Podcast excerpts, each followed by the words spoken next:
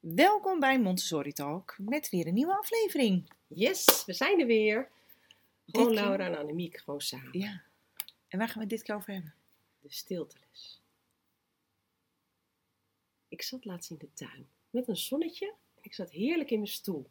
Ik had net een eh, sinaasappeltje geschild en lekker in stukjes, in partjes gesneden, op een bordje gelegd. Ging lekker zo zitten. Ah, ontspannen, twee voeten op de grond, zonnetje in mijn gezicht, bordje op mijn hand.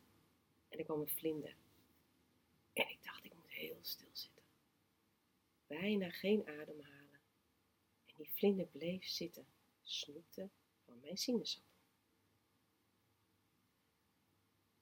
Een levend dier wat zo stil kon zitten, dat moest ik ook. Zo kan je stilteles beginnen. Ik heb het ook in mijn groep gedaan, want we hebben het nu over vlinders. En geloof me, ik weet niet wanneer ik in de tuin heb gezeten met een sinaasappeltje. En- En de zon heb ik ook al een tijdje niet gezien. Maar de verwondering die ik uitsprak, bracht zoveel rust in de groep, zoveel stilte. Ik hoefde niet eens te zeggen: ga goed op je stoel zitten, zet twee voeten op de grond, maak je voeten stil, maak je benen stil, maak je armen stil, maak je hoofd stil. Ik hoefde het niet te zeggen, het ging- maar Ja. dat zou je wel kunnen zeggen Absoluut. na jouw introductieverhaaltje. Ja. Nu gaan wij ook stilte maken. Hè? Want dat is eigenlijk een werkje. Het is iets wat je doet. En ik wilde net zeggen, ik had je eigenlijk gewoon moeten filmen hoe je dat deed. Het was zo leuk om te zien. Maar inderdaad, dat zijn die verhalen eh, die je overal aan kan aanpassen. Aan je thema, eh, aan iets wat eh, heel erg speelt bij de kinderen op dat moment. Maar al die dingen kan je zo inzetten om je stilteles eh, te gaan gebruiken voor te bereiden. Ehm, en die stilteles, hè? op welk moment van de dag doe je dat dan precies? Ja, het is wel een les. Het is echt een groepsles. Het is niet iets wat je doet als je denkt: het behang vliegt van de muur, ze zitten in de gordijnen. Dat is niet het moment om een stilteles te gaan doen. Want je vraagt opperste concentratie van de kinderen. Je vraagt van hun hun hele lijf stil te maken. Het is niet alleen het onderdrukken van het geluid, het is het onderdrukken van elke beweging. En ehm, dat gaat niet met het opheffen van lawaai of rumoer. Het gaat om veel meer. Tegenwoordig zouden we dat ook kunnen noemen onder mediteren Ja. of onder mindfulness. Maar dat was natuurlijk in 1900 nog helemaal niet aan de orde. En eigenlijk is Maria Montessori er ook een soort van per ongeluk achtergekomen achter deze oefening, achter deze les. Het welbekende verhaal van De baby. de baby, Ja. die strak ingepakt was in eh, een lakentje, een soort poppen was het. En zij nam dat over van een moeder en liep het kindertehuis binnen. En er ontstond een bepaalde stilte, een bepaalde rust. En nou, dat verhaal is magisch om te lezen. Dat staat in de methode helemaal eh, uitgeschreven. Ehm, en ja, dat, om nou elke keer die baby weer in je klas binnen te halen, dat hoeft niet. Je Nee, kan het echt ja. op een andere manier doen. En het is ook niet zo dat je het altijd met een verhaal doet, een zeker stilteles. niet. Zeker niet. Hè, de- de- ik- het vervolg is wel dat ik vandaag ook op mijn stoel ging zitten en alleen mijn hand naar voren deed, want daar staat dat bordje op, even voor de beelddenkers. En er ontstond rust. Maar je kan ook een vlinder laten zien of het woord stilte opschrijven als ze ook kunnen lezen in je groep. Maar er zijn ook oefeningen te bedenken waar eh, wel de, het geluid onderdrukt wordt door het kind, maar niet de beweging. Hè? Het Ja. doorgeven van een glas water.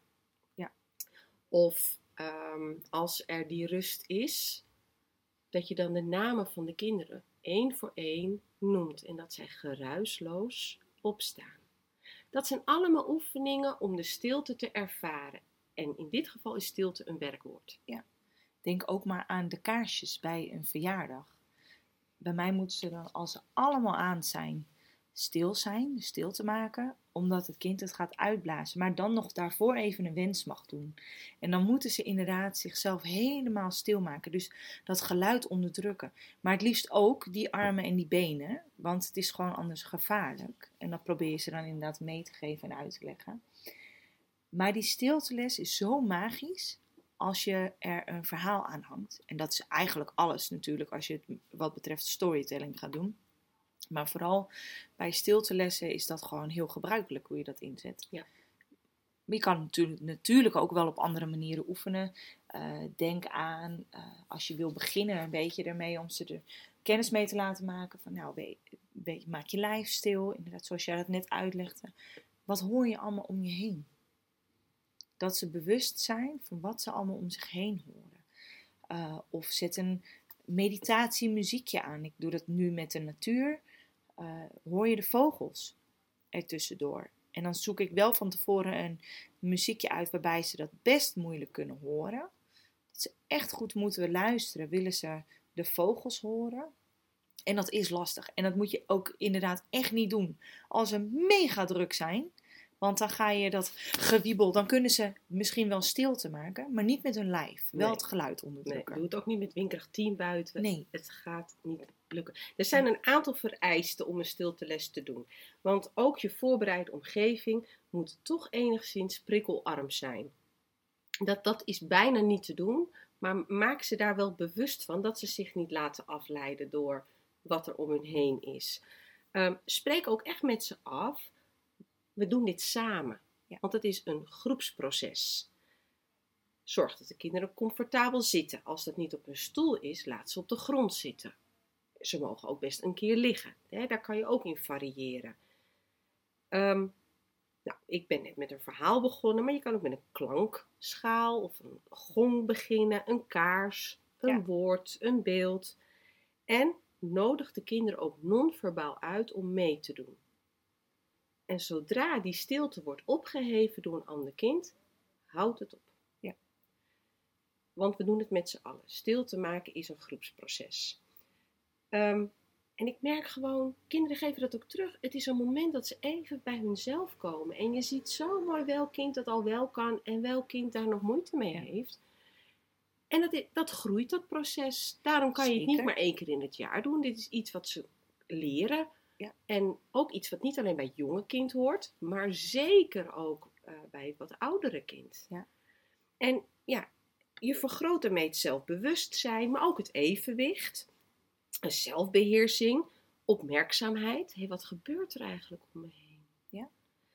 En het is het verfijning dus ook van het gehoor. Zelfinzicht. Ja. Vooral met bovenbouwers kan je ook heel goed de gesprekken daarna voeren. Kan je met kleuters zelfs ook al doen. Eh, en dan hou je het klein met hoe voel je je? Hoe Ja. voel je je daarbij? Ja. Vond je het vandaag lastiger dan de vorige keer? Of ging het beter? Ja. Dat zijn allemaal dingen die je kan doen. Maar het allerbelangrijkste is hoe vaak je dit doet. Het, wij zeggen wel eens, we gaan het één keer per dag doen. Maar we kan me ook goed voorstellen dat eh, je in een bepaald soort schema zit waarbij dit niet lukt. Maar het is wel het streven. Maak er een gewoonte van, wat regelmatig in ieder geval Ja. terugkomt. Ja. En vergeet jezelf niet. Jij bent een rolmodel als Ja. volwassene. Jouw stemgebruik, hoe jij zit, wat jij doet, dat is heel belangrijk. Ja. Want als jij tijdens die stilte je bureau gaat opruimen, of je op je telefoon gaat kijken, ja, dan mis je de essentie. Ja, je Dat- moet zelf meedoen. Ja. Ja. En geloof me, het is heerlijk. Ja, soms heb je de eh, momentjes ook gewoon even nodig voor jezelf. En daar hoef je ook echt niet eh, je voor te schamen. Soms is het heerlijk. Eh, helemaal na een, eh, een, een, een intensieve werkperiode is dat ook gewoon ontzettend fijn. Maar je laat de kinderen daarmee ook zien dat het iets serieus is. Dat het niet alleen Mm. is voor hun, maar dat het eigenlijk is wat je ook als volwassene meeneemt. En dat ze dus ook gewoon hun hele leven mee kunnen nemen. Het zijn allemaal zaadjes ehm, die je plant, waarmee ze uiteindelijk hopelijk op latere leeftijd veel beter bij zichzelf te raden kunnen gaan wanneer er iets is. Zelf beter kunnen aanvoelen als er spanning zit in hun lijf of ehm, als ze zich ergens fijn of niet fijn bij voelen, hoe ze dat kunnen uiten. Even terugkomen bij jezelf. Helemaal in deze maatschappij denk ik dat dat gewoon onwijs belangrijk is. Dat je leert hoe je weer even terugkomt bij jezelf. Hoe je bewust kan zijn van het leven in, in het moment, in het nu. En niet alleen maar bezig zijn met de toekomst en wat allemaal nog gaat komen. Ja, nee, exact dat. En je hebt dus een stilteles buiten het werken om. Dat is het verhaal wat je Ja. vertelt. Of eh, echt even van bewust laat zitten, bewust laat ademen. En je kan het stilteles ook tijdens het werk doen. Ja. En dan heb je dus die klankschaal of een beeld of een woord. Of... En uiteindelijk is het een beloning voor het kind zelf. En op dat punt, toen Maria dit ontdekte bij haar in het kinderthuis, toen dacht ze eigenlijk, ik moet er een beloning tegenover stellen. Ik moet ze iets lekkers aanbieden of ik moet ze iets moois aanbieden. Nee, de beloning zat in het kind zelf, want die was meester geworden van zijn handeling. Ja. En van zijn lichaam en ging daar bewust mee om.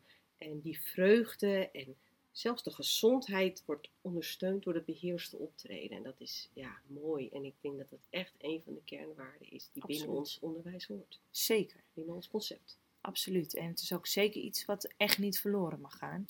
En het allermooiste is dat je nu tegenwoordig zoveel meer kan vinden. En dan schuilt het inderdaad vaak over meditatie voor kinderen of mindfulness voor kinderen. En ga daar ook gewoon eens eh, op onderzoek naar dat soort dingen. Wij, wij maken gebruik van hele mooie opdrachten voor in het bos, voor in de natuur per seizoen. Waar we ook gelijk die stiltelessen aan kunnen koppelen. En je ziet ook echt dat kinderen daar heel erg door gevangen zijn als je dat doet. Ja, bij elk kosmisch thema kan je Ja. een stilteverhaal. Het is alleen niet zo makkelijk, want het is niet uitgeschreven. Het vraagt van jou als leerkracht, als persoon vraagt het iets. Veel succes en Ja. plezier.